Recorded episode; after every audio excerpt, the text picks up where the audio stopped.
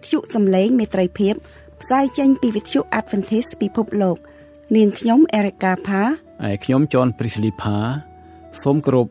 និងស្វាគមន៍ចំពោះអស់លោក លោកស្រី និងប្រិយមិត្តអ្នកស្ដាប់ទាំងអស់ជាទីមេត្រី បងប្អូនលោកអ្នកកំពុងស្ដាប់ដំណឹងល្អពីវិទ្យុសំឡេងមេត្រីភាព ដែលផ្សាយចេញជាភាសាខ្មែរមួយថ្ងៃពីរលើកព្រឹកពីម៉ោង6ដល់ម៉ោង6:30នាទី ពេលល្ងាចពីម៉ោង8ដល់ម៉ោង8:30នាទីយប់តាមរលកធាលអាកាសខ្លី short wave 15150 kHz កម្ពស់19ម៉ែត្រអ្នកស្រីសុនសវណ្ណានឹងជម្រាបជូននៅកម្មវិធីសម្រាប់ថ្ងៃនេះដូចតទៅ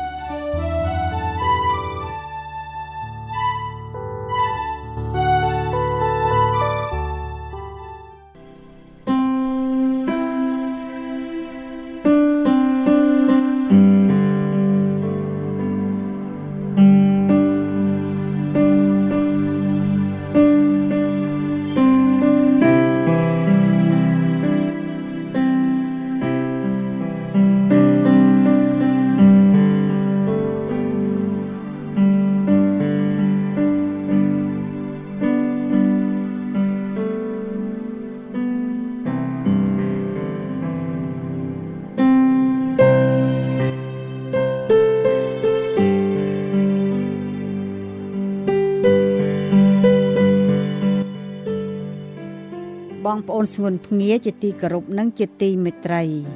រដូវនេះជារដូវណូអែលដែលពិភពលោកទាំងមូលរំលឹកពីកំណើតព្រះយេស៊ូវដែលបានយន់យកកំណើតក្នុងសាច់ឈាមកាលពីជាង2000ឆ្នាំកន្លងទៅនេះពុទ្ធុសំឡេងមេត្រីភាពសូមនាំយកកម្មវិធីផ្សេងផ្សេង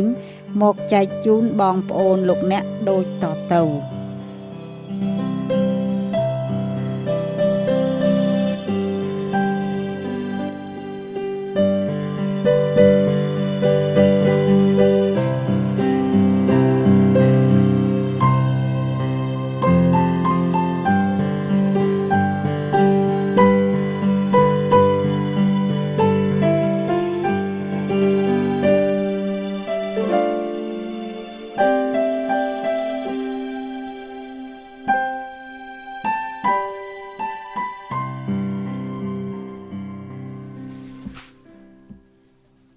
សួស្តីថ្ងៃសប្តាហ៍ដល់បងប្អូនសុនភ្ងានិងប្រិយមិត្តអ្នកស្ដាប់ទាំងអស់ជាទីគោរពនិងជាទីមេត្រីបងប្អូនគ្រិស្តបរិស័ទនៅគ្រប់មជ្ឈដ្ឋានជាទីគោរពនិងជាទីស្រឡាញ់នៅក្នុងព្រះអម្ចាស់បាទថ្ងៃនេះយើងបន្តនៅក្នុងឈុតអធិប្បាយអំពីផ្កាយនៃព្រះអង្គសង្គ្រោះនៅក្នុងវគ្គទី2នេះខ្ញុំនឹងជម្រាបជូនបងប្អូនលោកអ្នកនៅអឺការត្រួសត្រាសមួយចំនួនអំពីថាតើព្រះយេស៊ូវគ្រីស្ទជានរណា ហើយមួយទៀតក៏ខ្ញុំនឹងលើកបន្តទៅទៀតនៅក្នុងយុគសម័យ2ទី2និងទី3គឺយុគសម័យនៃពួកអាយកោយុគសម័យនៃពួកអាយកោនិងយុគសម័យទេវធិបតេយ្យបងប្អូនលោកអ្នកបើយើងទាំងអស់គ្នាបានមើលនៅក្នុងបានស្ដាប់តាមដាននៅក្នុងកម្មវិធីទី1នោះខ្ញុំបានជម្រាបជូនបងប្អូនលោកអ្នកយ៉ាងច្បាស់ណាស់អំពីថានៅក្នុងព្រះគម្ពីរអឺយើង ឃើញថាអ្នកប្រាជ្ញព្រះគម្ពីរគេអាចចែកចែកនៃយុគសម័យធំធំនៅក្នុងព្រះគម្ពីរមាន7ខ្ញុំសូមត្រួសជូនបន្តិចបងប្អូនលោកអ្នកយុគសម័យទី1គឺសម័យដើមដំបូងគេហៅ period of the beginning យុគសម័យទី2គឺយុគសម័យពួកអាយកោគេហៅ the patriarchal period ហើយយុគសម័យទី3គឺយុគសម័យទេវធិបតេយ្យគេហៅ theocratic period បាទយុគសម័យទី4គឺគេហៅថាយុគសម័យរាជាធិបតេយ្យគឺ monarchical period បាទយុគសម័យទី5គឺស្ថិតនៅក្នុងយុគសម័យក្រោមការត្រួតត្រាពួកបរទេសគេហៅ foreign rule period បាទយុគសម័យទី6ជាយុគសម័យ Maccabi គឺ the Maccabean period ហើយយុគសម័យទី7គឺយុគសម័យអាណាចក្ររ៉ូមយុគសម័យរ៉ូម Roman period បាទដូច្នេះមុននឹងចាប់ផ្ដើមបន្តទៀតខ្ញុំសូមគោរពអញ្ជើញបងប្អូន បានសង្រួមកាយអធិដ្ឋានជាមួយខ្ញុំព្រះវរបិតាទូមគុំសូមអរគុណព្រះអង្គដែលទ្រង់គឺជាព្រះលើសអស់ទាំងព្រះ ដែលព្រះអង្គទ្រង់បានបង្កើតលោកសន្និវាសទាំងមូលហើយព្រះអង្គទ្រង់មានប្រតិសន្តោសប្រោសប្រណីទុំគុំអរគុណព្រះអង្គដែលទ្រង់បានប្រទានព្រះយេស៊ូវគ្រីស្ទដែលជាព្រះរាជបុត្រាទ្រង់តែមួយមកដល់ពិភពលោកដើម្បីឲ្យយើងទាំងអស់គ្នាបានអឺ រួចពីបាបហើយឲ្យទុំគុំបាន មានសេចក្តីសង្ឃឹមនៅក្នុងសេចក្តីសង្គ្រោះរបស់ផងទ្រង់ទូងសូមអរគុណព្រះអង្គនៅក្នុងរដូវណូអែលនេះដែលរំលឹកអំពីកំណើតរបស់ព្រះយេស៊ូវដែលបាននៅក្នុងសាច់ឈាមនេះចំនួនជាង2000ឆ្នាំទៅហើយនេះព្រះអង្គចាស់ទូមគុំសូមយាងព្រះញាណបរិសុទ្ធបាន ជួយឲ្យទូមគុំបានយល់បានស្គាល់ព្រះដ៏ជាព្រះអធិការនិងជាព្រះអង្គសង្គ្រោះទូមគុំសូមអធិដ្ឋានដោយនៅព្រះនាមព្រះអង្គចាស់ព្រះយេស៊ូវគ្រីស្ទអាមែន បងប្អូនលោកអ្នកខ្ញុំសូមអញ្ជើញបងប្អូនបើកទៅគម្ពីរអឺនៅយើងមើលនៅក្នុងគម្ពីរគម្ពីរចោទយកថាបងប្អូនលោកអ្នកខ្ញុំឈ្មោះទៅឯអឺយុគសម័យទី2គឺយុគសម័យនៃអឺអាយកោ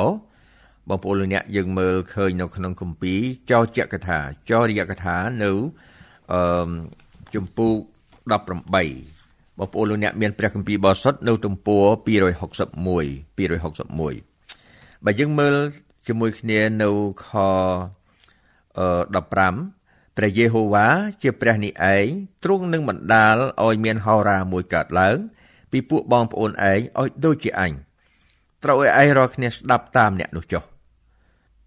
តាមគ្រប់ទាំងសេចក្តីដែលឯងបានសូមដល់ព្រះយេហូវ៉ាជាព្រះនេះឯងត្រង់ភ្នំហោរ៉ែប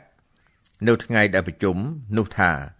សូមកុំអោយខ្ញុំឮសំឡេងរបស់ព្រះយេហូវ៉ាជាព្រះនៃខ្ញុំឬឃើញភ្លើងដ៏ធំនេះទៀតឡើយក្រែងខ្ញុំត្រូវស្លាប់នោះព្រះយេហូវ៉ាទ្រង់ក៏មានបន្ទូលមកឯងថាសេចក្តីដែលគេថានោះបានជាត្រូវហើយអញនឹងបណ្ដាលឲ្យមានហោរាមួយកើតឡើង ពីពួកបងប្អូនឯងពីពួកបងប្អូនគេ សម្រាប់គេឲ្យដូចឯងហើយអញនឹងដាក់ ពាក្យអញនៅក្នុងមាត់ហោរានោះអ្នកនោះនឹងប្រាប់ដល់គេតាមគ្រប់ទាំងសេចក្តីដែលអញនឹងបង្កប់មកដូច្នេះបើអ្នកណាមិនព្រមស្ដាប់តាមពាក្យអញដែលហោរានោះនឹងពោលដោយនៅឈ្មោះអញនោះអញនឹងធ្វើទោសដល់គេបងប្អូនលោកអ្នកនៅក្នុងបទគម្ពីរនេះគឺថាមានការមួយដែលចង្អុលបង្ហាញទៅឲ្យលោកម៉ូសេលោកម៉ូសេគឺមានលក្ខណៈណាដូចជាព្រះយេស៊ូវនៅក្នុងមួយអន្លើ ប៉ុន្តែនៅក្នុងពេលនៅក្នុងខ15នេះគេថាជាជាបទទំនាយមួយដែលគេថាចង្អុលបង្ហាញទៅឯព្រះយេស៊ូវបាទទាំងនៅក្នុងបន្ទូលថាម៉េចទ្រង់នឹងបណ្ដាលឲ្យមានហោរាមួយកើតឡើងពីពួកបងប្អូនឯងឲ្យដូចជាអញដូច្នេះយើងមើលឃើញកលឹះពាក្យដល់ឲ្យដូចជាអញនេះបើសិនបើដែលព្រះយេហូវ៉ាមានបន្ទូលថាឲ្យដូចជាអញគឺគឺជាបរិយាបុត្រារបស់ព្រះអង្គ ពីព្រោះយើងមើលឃើញថានៅក្នុងនេះណែបងប្អូនលោកអ្នកមាននឹកចាំនេះនៅក្នុងបទបន្ទូលនៅយ៉ូហានចំពោះ14ណាពេលដែលថូម៉ាស់បានសួរទៅព្រះអង្គណាថាតើប្រវោបិតាយ៉ាងម៉េចបងប្អូនមើលជាមួយខ្ញុំតិចមើលនៅក្នុងគម្ពីរយ៉ូហានចំពុក14ណែមានការមួយដែលព្រះយេស៊ូវបានឆ្លើយឆ្លង ជាមួយនឹងថូម៉ាស់បាទ អឺយើងឃើញនៅក្នុងខ9ចំពុកយ៉ូហានចំពុក14ខ9ព្រះយេស៊ូវមានបន្ទូលទៅថាហ្វីលីបអើយនេះនិយាយពីព្រះអង្គមានព្រះបន្ទូលជាមួយហ្វីលីបខាងខាងលើខាងដើមគឺព្រះអង្គមានបន្ទូលជាមួយនឹងថូម៉ាស់អំពីផ្លូវទៅនគរឋានសួគ៌នៅក្នុងខ7ណាបើអ្នករាល់គ្នាបានស្គាល់ខ្ញុំនោះបានស្គាល់ព្រះវរបិតាដែរអំពីនេះទៅមុខអ្នករាល់គ្នាក៏ស្គាល់ហើយបានឃើញទ្រង់ផងហ្វីលីប ទូលទ្រង់ថាព្រះអង្គចាស់អើយសូមបង្ហាញព្រះវរបិតាឲ្យយើងខ្ញុំឃើញផង នោះយើងខ្ញុំពេញចិត្តហើយខ9ព្រះយេស៊ូវមានបន្ទូលទៅថាហ្វីលីបអើយខ្ញុំបាននៅជាមួយនឹងអ្នករាល់គ្នាជាយូរដល់ម្លេះហើយអ្នករាល់គ្នាមិនទាន់ស្គាល់ខ្ញុំឬអ្នកណាដែលឃើញខ្ញុំនោះក៏បានឃើញព្រះវរបិតាដែរចុះធ្វើដូចម្ដេចបានជាអ្នកថាសូមបង្ហាញឲ្យឃើញព្រះវរបិតាផងដូច្នេះបងប្អូនលោកអ្នកឃើញទេ បទបន្ទូលនេះយើងឃើញថានៅក្នុងគម្ពីរចោយកថាខ្ញុំធ្វើការបំភ្លឺជូនបងប្អូនគេលោកបងប្អូនកន្លែងខ្លះបងប្អូនយល់ថាអឺកន្លែងនេះគឺជាលោកម៉ូសេថាមានកន្លែងដែលនិយាយជាមួយលោកប្រៀបទៅនឹងលោកម៉ូសេប៉ុន្តែនៅក្នុងចំណុចនៅខ15នេះគឺថាឲ្យដូចជាអញនោះគឺបានបញ្ជាក់អំពីព្រះយេស៊ូវដែលត្រូវឲ្យឯងរាល់គ្នានេះស្ដាប់តាមអ្នកនោះចុះបាទអរគុណព្រះអង្គ ដូច្នេះខ្ញុំសូមឲ្យបងប្អូនយើងទាំងអស់គ្នាមើលថានៅក្នុងព្រះគម្ពីរដូចជានៅក្នុងបទបន្ទូលដូចជាខ្ញុំការអធិប្បាយខ្ញុំពីមុនខ្ញុំបានជម្រាបប្រាប់បងប្អូនដែរថានៅទូទាំងព្រះគម្ពីរព្រះជាម្ចាស់បានប្រទានសេចក្តីសន្យា នៅក្នុងបទទំនាយអំពីការយាងមកនៃព្រះអង្គសង្គ្រោះគឺព្រះយេស៊ូវគ្រីស្ទដែលព្រះគម្ពីរនិងភាសាហេប្រឺហៅថាព្រះមេស៊ីព្រះមេស៊ីគឺជាព្រះអង្គសង្គ្រោះណាគឺជាព្រះគ្រីស្ទជាព្រះអង្គសង្គ្រោះ បាទខ្ញុំជម្រាបជូនបងប្អូនជាហោហែប៉ុន្តែខ្ញុំជម្រាបឡើងវិញថានៅក្នុងភាសាខ្មែរយើងគេតែងហៅថាព្រះយេស៊ូវគ្រីស្ទគេស្មានថាជាពាក្យមួយប៉ុន្តែនៅក្នុងនេះគេថាមានន័យពីរយ៉ាងណាព្រះយេស៊ូវមានន័យផ្សេងព្រះគ្រីស្ទមានន័យផ្សេងព្រះយេស៊ូវបានន័យថាជាព្រះអង្គដែលយាងមកដើម្បីលុះបាបមនុស្សទាំងអស់បាទមួយទៀតគឺព្រះគ្រីស្ទគឺបានស្ដីថាម៉េចថាជា ដែលព្រះអង្គសង្គ្រោះដែលត្រូវទទួលរងទុក្ខទោសជំនួសយើងនេះដើម្បីលុះបាបយើងដើម្បីចេញថ្លៃប្រោសលួសដល់យើងនេះគឺជាព្រះគ្រីស្ទបាទនៅក្នុងសង្គមនៃពួកសាសហេប្រឺក្តីនៅសង្គមអ៊ីស្រាអែលក្តីគេថានៅក្នុងពួកសារូស៊ីនៃពួកហ្វារីស៊ីក្តីថាមានមនុស្សច្រើនណាស់ដែលទទួលស្គាល់ព្រះយេស៊ូវថាជាព្រះយេស៊ូវប៉ុន្តែមិនទទួលស្គាល់ព្រះយេស៊ូវថាជាព្រះគ្រីស្ទទេដូច្នេះប្រសិនបើជំនឿបែបនេះគឺមិនបានសង្គ្រោះទេបាទ ដែលខ្ញុំសូមអញ្ជើញបងប្អូនលោកអ្នកថាបទទំនាយទាំងនោះគឺថានៅក្នុងព្រះគម្ពីរបានលេចឡើងដូចជាផ្កាយដ៏ភ្លឺចិញ្ចែងនៅគ្រប់សម័យធំធំទាំង7នោះណាសម័យទាំង7នោះគេថាដែលព្រះគម្ពីរបានចែងនោះគេថាដូចជាវិលាគេហៅថារាត្រីងងឹតនៃប្រវត្តិសាស្ត្រនៃពិភពលោកក៏ដូចជាប្រវត្តិសាស្ត្រនៃសាសហេប្រឺដែរលោកកំបាត់ចំពុក49គឺមានបទបន្ទូលចែងអំពីអឺ គេដូចជាផ្កាយណាផ្កាយនៃព្រះអង្គសង្គ្រោះដែរលោកកបាតចំពុក49ខ្ញុំសូមបងប្អូនមើលជាមួយខ្ញុំពីខ8មកដើម្បីឲ្យយើងស្ថាបនានៅការយល់ដឹងឲ្យបានច្រើនជាងនេះបន្តិចថាយូដាអើយពួកបងប្អូនឯងនឹងសរសើរឯងដៃឯងនឹងចាប់កញ្ចឹងកនេះពួកខ្មាំងសត្រូវឯងពួកកូនឪពុកឯងនឹងអោនគោរពដល់ឯងយូដាជាសឹងស្ទាវកូនអើយឯងបានឡើងមកពីស៊ីរំភា វាបានក្រាបចុះបានដេកដូចជាសឹងហើយដូចជាសឹងយ៉ាងខ្លាំងនោះតើអ្នកណាហ៊ានដាស់វាបងប្អូនមើលខ10នេះគឺជាចំណុចមួយដែលអ្នកសិក្សាព្រះគម្ពីរគេថាជាផ្កាយជាផ្កាយអឺនៃព្រះអង្គសង្គ្រោះ ដែលខ្ញុំជម្រាបជូនបងប្អូននៅក្នុងនេះបាននិយាយថាជាព្រះបន្ទូលដែលបំភ្លឺនៅក្នុងយុគសម័យងងឹតនោះអំពីការដែលព្រះយេស៊ូវទ្រង់នឹងចាប់កំណើតប្រសូតមកណាជាជាមនុស្សបាទនៅលោកកបាត់ចំពុក49ខ10ដំបងរាជនឹងមិនដែលឃ្លាតពីយូដាឬអំណាចគ្រប់គ្រងពីជើងវាឡើយដរាបដល់ស៊ីឡូបានមកដល់នោះបណ្ដាជនទាំងឡាយនឹងចោះចូលចំពោះទ្រង់ ដូច្នេះយើងឃើញថាពីកម្មវិធីមុនខ្ញុំបានជំរាបជូនបងប្អូនលោកអ្នកនៅក្នុងគម្ពីរលោកកបាត់ចំពុក3ខ15ថាផ្កាយរបស់ព្រះអង្គសង្គ្រោះគឺជាសេចក្តីសន្យា អំពីព្រះយេស៊ូវដែលទ្រង់នឹងចាប់កំណើតដើម្បីលុះបាបដើម្បីរំដោះយើងឲ្យរួចពីបាប ហើយឲ្យយើងព្រះអង្គនឹងដាក់យើងទៅក្នុងជីវិតមួយថ្មីគេថាជាជីវិតមួយដែលចុះសម្រុងទៅនឹងព្រះហើយដើម្បីឲ្យយើង បានទទួលនៅជីវិតអស់កលជានិច្ចឡើងវិញនេះគឺជាបំណងហត្ថីរបស់ព្រះអង្គបាទ លោកបងប្អូនលោកអ្នកយើងមើលនៅក្នុងចំណុចនេះយើងឃើញថាខ្ញុំបានជម្រាបជូនបងប្អូន នៅក្នុងនេះថាអឺនៅយុគសម័យទី2គឺយុគសម័យនៃពួកអាយកោយើងឃើញថាមានបទទំនាយដែលចែងអំពីអីគឺអំពីព្រះអង្គសង្គ្រោះបងប្អូនលោកអ្នកដឹងទេនៅក្នុងគម្ពីរចយកថានេះគេថាព្រះគម្ពីរមានគេចែក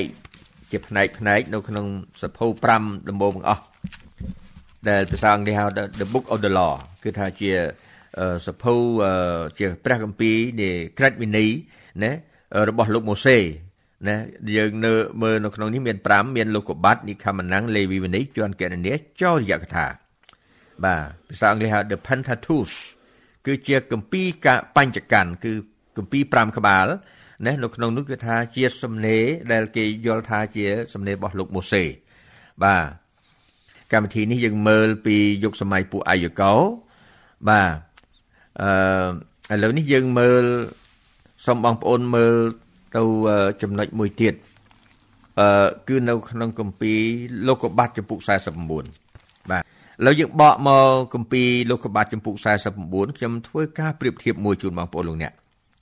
បាទយើងមើលឃើញថាសាសយូដាយូដានៅក្នុងពេលនេះបងប្អូនលោកអ្នកដឹងទេគឺថា នៅក្នុងគម្ពីរលោកកបាតចំពុក49នេះយើងឃើញថាមានពេលវេលានោះគឺជាពេលវេលាមួយដែលលោកយ៉ាកុបណាគាត់ចាស់មែនទែនហើយគាត់បានហៅកូនទាំងអស់មកផ្ដាំបងប្អូនមើលនៅលោកកបាតចំពុក49ខ1យ៉ាកុបក៏ហៅកូនគាត់ទាំងអស់មកប្រាប់ថាចូលឯងប្រមូលគ្នាទាំងអស់មក ដើម្បីអញនឹងប្រាប់ឲ្យដឹងពីការដែលនឹងកើតមកដល់ឯងរាល់គ្នានៅជាន់ក្រោយបាទនៅជាន់ក្រោយ ដូច្នេះនេះជាបទទំនាយមួយគឺថាមិនមែនគ្រាន់តែនៅក្នុងបទបទទំនាយដែលចង្អុលទៅព្រះយេស៊ូវគ្រីស្ទទេគឺចង្អុលមកឯពួកសាសយូដាគឺជាអំបូររបស់នៃពួកជនជាតិអ៊ីស្រាអែលណាដែលយើងមើលឃើញរហូតមកដល់នៅក្នុងនៃអឺគម្ពីរយ៉ូហានចំពុក4បងប្អូនលោកអ្នកណាដែលយើងឃើញថាបទពិសោធន៍មួយរបស់ព្រះយេស៊ូវដែលសន្ទនាជាមួយនឹងស្ត្រីសាសសាមារីនៅដងទឹករបស់លោកយ៉ាកុបបាទបន្តិចទៀតយើងនឹងមើលកន្លែងនោះ ឥឡូវបងប្អូនមើលចំពុក49ខ2ចូលប្រជុំគ្នាស្ដាប់ចុះអស់ពួកកូនយ៉ាកុបអើយចូលស្ដាប់អ៊ីស្រាអែលជាឪពុករបស់នៃនៃឯរាល់គ្នា បាទយើងមើលភ្ជាប់មកខ8ណាបងប្អូនមានពេលមើលតាំងពីខ3ដល់មកនិយាយពីរូបបេនបងរហូតមកតាមលំដាប់រហូតមកមកដល់កូនទាំងទាំង12នាក់បាទគឺគាត់មានការផ្ដាំផ្ញើឲ្យនឹងប្រាប់ពីព្រោះថាលោកយ៉ាកុបគឺជាមនុស្សដែលពេញដោយព្រះវិញ្ញាណរបស់ព្រះអង្គដែលព្រះសម្ដែងបើកសម្ដែងការពិត ហើយនឹងសេចក្តីខ្លះដែលនឹងកើតមានដល់នៃអំបូរទាំង12នោះបងប្អូនអ្នកមើលខ8ម្ដងទៀតយើងឃើញថាយូដាអើយពួកបងប្អូនឯងនឹងសរសើរឯងបាទខ្ញុំចង់ឲ្យបងប្អូនភ្ជាប់ហើយយើងដាក់ដៃកន្លែងនេះយើងមើលទៅឯគម្ពីរយ៉ូហានដំណឹងល្អចំពុក4នៅគម្ពីរយ៉ូហានដំណឹងល្អចំពុក4យើងឃើញថាមានអឺពាក្យពេចន៍ខ្លះមួយចំនួនដូចគ្នានៅក្នុងនេះដែរខ្ញុំសូមបងប្អូនមើលជាមួយខ្ញុំពី អឺខ20ឯពួកអាយកយើងខ្ញុំណានេះគឺជាពាក្យរបស់ស្ត្រីសាសាមារីណាឯពួកអាយកយើងខ្ញុំបានថ្វាយបង្គំនៅលើភ្នំនេះតែលោកពោលថាក្រុងយេរូសាឡឹមជាកន្លែងដែលត្រូវថ្វាយបង្គំវិញបាទនៅក្នុងនេះគឺព្រះយេស៊ូវបានយាងទៅស្រុកសាមារីនឹងដែលនៅក្នុងនេះនៅក្នុងខ9យើងមើលទៅក្នុងវងកញ្ចក់ចុះណាឥឡូវមើលទាំងអស់ណានៅខ9ស្ត្រីសាសសាមារី នោះក៏ទូលថាលោកជាសាសយូដាម្ដេចឡើយក៏លោកសូមទឹកខ្ញុំពិសាដែលខ្ញុំជាស្រីសាសសាមារីដូច្នេះក្នុងវងកញ្ចក់នេះត្បិតសាសយូដាមិនដែលប្រកបនឹងសាសសាមារីទេខ្ញុំមានអធិប្បាយជូនបងប្អូនលោកអ្នកបើស្ដាប់នៅក្នុងការអធិប្បាយមួយខ្ញុំថាទឹករស់ the living water បងប្អូនលោកអ្នកនឹងស្ដាប់មើលប្រវត្តិសាស្ត្រដ៏សំខាន់មែនទែននៅក្នុងជីវិតនៃពលសាអ៊ីស្រាអែលដែលតាក់ទងទៅនឹងស្ដេចជំនឿនិងការថ្វាយបង្គំបង របស់ពួកនៃគ្រីស្ទានយើងនៅក្នុងចុងសករាជនេះដែរបើប៉ុន្តែខ្ញុំមិននៅកន្លែងនឹងយូរខ្ញុំឈ្មោះមកកន្លែងមកខ21ណានៅយ៉ូហានដំណឹងល្អចំពុក4ខ21ព្រះយេស៊ូវមានបន្ទូលថានាងស្រីអើយចូលជឿខ្ញុំថានឹងមានពេលវេលាមកដែលអ្នករាល់គ្នានឹងមិនថ្វាយបង្គំព្រះវរបិតានៅលើភ្នំនេះឬនៅក្រុងយេរូសាឡឹមទេខ22អ្នករាល់គ្នាមិនដឹងជាខ្លួនថ្វាយបង្គំអ្វីទេបងប្អូនលោកអ្នកស្ដាប់តនឡើយនឹងទេ ដូច្នេះយើងឃើញថា អ្នកដែលនៅក្នុងរាជអ៊ីស្រាអែលនឹងគេអត់ដឹងថាគេថ្វាយបង្គំអីទេដូច្នេះបើយើងប្រៀបឧបមានៅក្នុងស្ដីជំនឿបានន័យថា they get lost គឺគេវង្វេងគេវង្វេងដូច្នេះគេត្រូវការអីបងប្អូននៅក្នុងការអធិប្បាយរបស់ខ្ញុំដំបូងខ្ញុំថាអំពីផ្កាយនៃព្រះអង្គសង្គ្រោះថាផ្កាយមានតួនាទីសំខាន់ណាគឺផ្កាយមានតួនាទីសម្រាប់ដែលបង្ហាញទិសសម្រាប់ឲ្យយើងអ្នកដែលវង្វេងនឹងអាចនឹងរកទិស ឃើញវិលត្រឡប់មកកន្លែងដែលត្រឹមត្រូវវិញដូច្នេះយ៉ាងណាមិញព្រះបន្ទូលរបស់ព្រះអង្គនៅគ្រប់សម័យកាលទាំងអស់នៅគ្រប់ព្រះគម្ពីរតាំងពីលោកកបាត់រហូតដល់វិវរណៈនេះគឺថាជាកន្លែងបត់បន្ទូលខ្លះដូចជាផ្កាយសម្រាប់នាំទិសយើងចង្អុលទិសឲ្យយើងវិលត្រឡប់មកនៅក្នុងអឺការថ្វាយបង្គំដ៏ត្រឹមត្រូវរបស់ព្រះអង្គម្ចាស់ដែរបងប្អូនលោកអ្នកស្ដាប់តនកន្លែងនេះដូច្នេះបានជានៅក្នុងនេះព្រះយេស៊ូវមានទូលថាអ្នករាល់គ្នាមិនដឹងជាខ្លួនថ្វាយបង្គំអ្វីទេ ឯយើងវិញ យើងស្គាល់ព្រះដែលយើងថ្វាយបង្គំត្បិតសេចក្តីសង្គ្រោះកើតមកពីសាសយូដាបងប្អូនលោកអ្នកកន្លែងនេះជាចំណុចមួយសំខាន់ណាស់នៅក្នុងស្ដីជំនឿខ្ញុំសូមជើញបងប្អូនគ្រឹះបរិស័ទទាំងអស់បានពិចារណាមើលឡើងវិញកន្លែងហ្នឹងដែលនៅបទបន្ទូលតាំងពីលោកកបាត់ចំពុក49ណាដែលចង្អុលបង្ហាញអំពី អនាគតរបស់នៃរាជអ៊ីស្រាអែលក៏ដូចជានៅក្នុងបទទំនាយអំពីព្រះមេស៊ីគឺជាព្រះអង្គសង្គ្រោះគឺព្រះយេស៊ូវគ្រីស្ទណាឥឡូវយើងមើលឃើញកន្លែងមួយទៀតដែលនិយាយអំពីអីសាសយូដាណាបាននេះថានៅក្នុងនេះបងប្អូនលោកអ្នកកាលណាតាក់ទងទៅនឹងអឺអឺសាសនារបស់ព្រះយេស៊ូវគ្រីស្ទអំពីព្រះយេស៊ូវជាព្រះអង្គសង្គ្រោះអំពីការថ្វាយបង្គំអំពីថ្ងៃសាបាឃើញថាមនុស្សភាគច្រើនណាស់តែងចង្អុលបង្ហាញទៅថា សាសយូដាពីព្រោះគេចង់លើកចំណុចមួយដែលថាបន្ទាបណាអឺបន្ទាបបញ្ចុះតម្លៃនៅក្នុងស្ដីជំនឿឲ្យមនុស្សភាគច្រើនហ្នឹងបានយល់ថាសាសយូដាហ្នឹងគឺថាជាសាសមួយដែលទួនខ្សោយហើយបងប្អូនលោកអ្នកដឹងទេនៅក្នុងគ្រិស្តសករាជឆ្នាំ70បទទំនាយដែលព្រះយេស៊ូវមានបន្ទូលនៅក្នុងម៉ាថាយ24បានចង្អុលបង្ហាញថាម៉េចថាអឺក្រុងយេរូសាឡឹមណានឹងត្រូវគេថាហិនមីនេះទាំងអស់ដូច្នេះការនោះកើតឡើង ដូច្នេះសពថ្ងៃនេះគំនិតនៅក្នុងបងប្អូនអ្នកគ្រីស្ទបរិស័ទនៅក្នុងគេហៅថា Christendom ហ្នឹងតែចង្អុលបង្ហាញថាកណ្ណានិយាយពីសាសយូដាគេចង់និយាយអំពីជនជាតិមួយដែលណែឋិតនៅគ្មានអំណាចណាដូចនៅក្នុងគម្ពីរមួយណែពាក្យមួយគេនិយាយថា persona non grata គេថាបាននិយាយថាម៉េចថាពួកអ្នកដែលគេមិនរាប់រកណាប៉ុន្តែបងប្អូនភ្លេចគិតឲ្យមួយពីចំណុចមួយសំខាន់ក្នុងគម្ពីរចង្អុលបង្ហាញថាម៉េចថាព្រះយេស៊ូវក៏ជាសាសយូដាដែរ បងប្អូនលោកអ្នកស្ដាប់តើនេះដូច្នេះខ្ញុំសូមអញ្ជើញបងប្អូនលោកអ្នកមើលយើងចងភ្ជាប់នៅក្នុងព័ត៌មានអំពីប៉ុនណូអែលដែលរំលឹកអំពីព្រះយេស៊ូវថាជាព្រះអង្គសង្គ្រោះណានៃពិភពលោកទាំងមូលអំពីនៃឥឡូវអំពីផ្កាយនៃនៃព្រះអង្គសង្គ្រោះគឺថាដែលខ្ញុំលើកចង្អុលបង្ហាញថាជាព្រះបន្ទូលដ៏សំខាន់សំខាន់មួយចំនួន ដែលអាចនាំឲ្យយើងអ្នកដែលវង្វេង នៅក្នុងការថ្វាយបង្គំព្រះនៅក្នុងស្ដីជំនឿនឹងបានវិលមកក្នុងការថ្វាយបង្គំដ៏ត្រឹមត្រូវដូចជាព្រះយេស៊ូវវិញបងប្អូនលោកអ្នកខ្ញុំសូមសង្ខេបជូននៅក្នុងចំណុចនេះថាកាលណាយើងទាំងអស់គ្នា មើលតែផ្កាយផ្កាយនៃព្រះអង្គសង្គ្រោះយើងមើលមកសូមជើញបងប្អូនមើលនៅក្នុងកាពីម៉ាថាយចំពុក2នៅក្នុងម៉ាថាយចំពុក2យើងឃើញថាអឺកន្លែងនេះមួយ គឺ ជាជាចំណុចមួយដែលបងប្អូនអាចនឹងពិចារណាបាន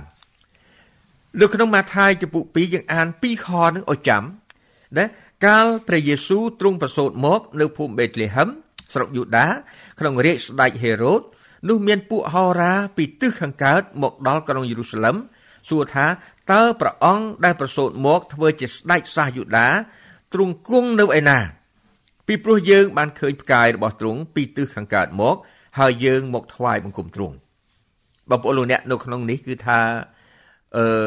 កន្លែងមាថាយពុក2នេះមិនមែនជាផ្កាយដែលប្រៀបប្រដូចព្រះបន្ទូលទៅជាផ្កាយទេកន្លែងនេះគឺផ្កាយមែនទែនណាផ្កាយមែនទែនប៉ុន្តែគេមើលពួកទាំងអស់នេះ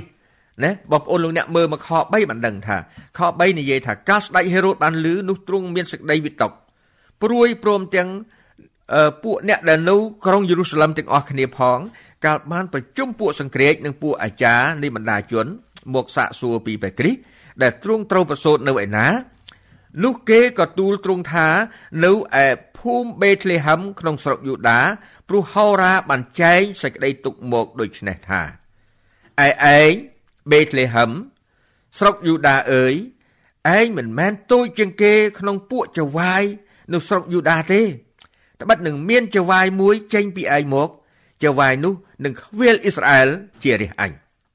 បងប្អូនលោកអ្នកឃើញទេដូច្នេះដើម្បីនឹងបញ្ជាក់ប្រាប់ឲ្យច្បាស់ណាយើងឃើញពួកហោរាគេដើរតាមផ្កាយដែលចង្អុលទិសគេក៏ប៉ុន្តែគេត្រូវមើលព្រះបន្ទូលជាមុនសិនព្រះបន្ទូលបានចែងមក ជាបទទំនាយថានឹងមានព្រះមួយអង្គមកចាប់កំណើតហើយគេទាំងអស់គ្នាបានតាមដានមកគេដឹងថានៅក្នុងពេលនោះហើយដែលជាពេលដែលព្រះអង្គទ្រង់ទៅចាប់កំណើតមក អរគុណព្រះអង្គដូច្នេះខ្ញុំសូមបងប្អូនទាំងអស់គ្នាយើងមើលឃើញថានៅក្នុងនេះគឺទាំងពីរ